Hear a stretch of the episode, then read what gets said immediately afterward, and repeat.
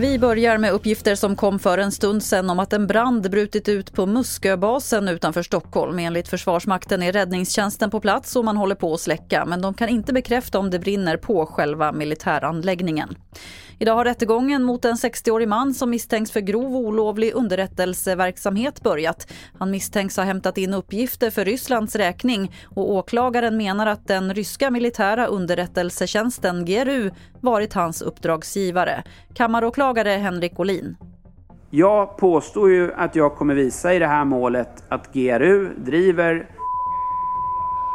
och jag tycker att man kan kalla honom en anskaffningsagent. Eh, för att få förståelse för den här brottsligheten. Och sakframställningen kommer att visa att GRU och Ryssland har lagt stor energi på att bygga upp företag som ger sken av legitimitet. Och till sist kan vi berätta att regeringen satsar 11 miljarder kronor på ett nytt jobbskatteavdrag i höstens budget. Enligt statsminister Ulf Kristersson skulle det innebära att en familj med en polis och en sjuksköterska skulle få sänkt skatt med 14 000 kronor per år. Fler nyheter finns på tv4.se. Jag heter Lotta Wall.